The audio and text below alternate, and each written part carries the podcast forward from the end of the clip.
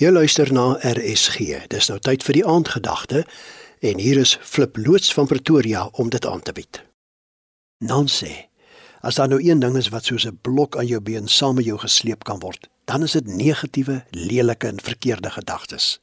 Gaan lees maar wat staan daar in Spreuke 15 vers 15. Dit gaan altyd sleg met 'n bedrukte mens. Die blymoedige mens se hele lewe is 'n fees. En in Spreuke 17 vers 24 lees ek: 'n Verstandige mens hou hom besig met wysheid, maar 'n dwaase gedagtes dwaal doelloos rond. Miskien daarom dat Paulus vir die Korintiërs in 2 Korintiërs 5 vers 17 skrywe: Iemand wat aan Christus behoort, is 'n nuwe mens. Die ou is verby, die nuwe het gekom. Lewe dan nuut, dink nuut, doen nuut.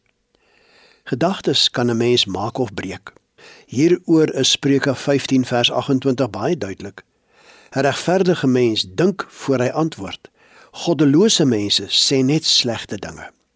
Die manier waarop jy vanaand dink oor jou lewe, oor die week wat vir jou voorlê, gaan eintlik bepaal hoe dat jy elke dag vorentoe gaan aanpak.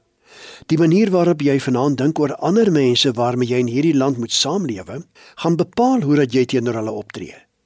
Die manier waarop jy dink oor die kerk, die Bybel en godsdiens gaan bepaal hoe toegewyd jy teenoor die Here gaan lewe.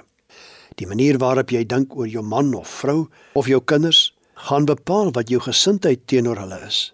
sien, wanneer ek my gedagtes inspann ten goede van ander, dan geld die woord in Filippense 2 vers 4. Julle moenie net elkeen aan sy eie belange dink nie, maar ook aan die van ander.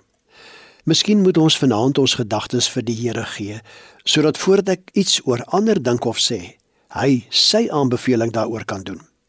Dalk lê daar vanaand 'n hoop gedagtes in jou gemoed wat die lewe swaar en moeilik maak. Diep kepe en fronse op jou voorkop sit en dit vir jou moeilik maak om met bepaalde mense saam te lewe. Moontlik is dit gedagtes wat jou herinner aan 'n onreg wat iemand jou aangedoen het.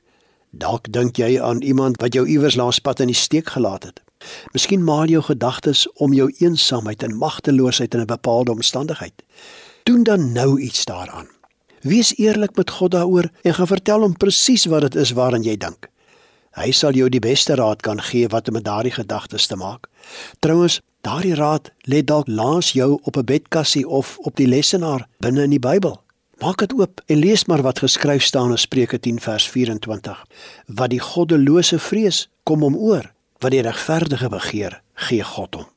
Maar gaan praat ook met die een met wie jy nie kan vrede maak nie. Sommer nou dalk deur 'n brief vir hom of haar te skryf of miskien 'n SMS of 'n WhatsApp te stuur of 'n afspraak te reël om môre iewers te ontmoet en dinge uit te praat. Kom bid dan nou saam met my. Here, my gedagtes oor my krisisse pla my so baie dat ek nie altyd genoeg aan U dink nie. Hier is dit dan. Sensor U dit sodat my gedagtes U bly saam maak. Amen.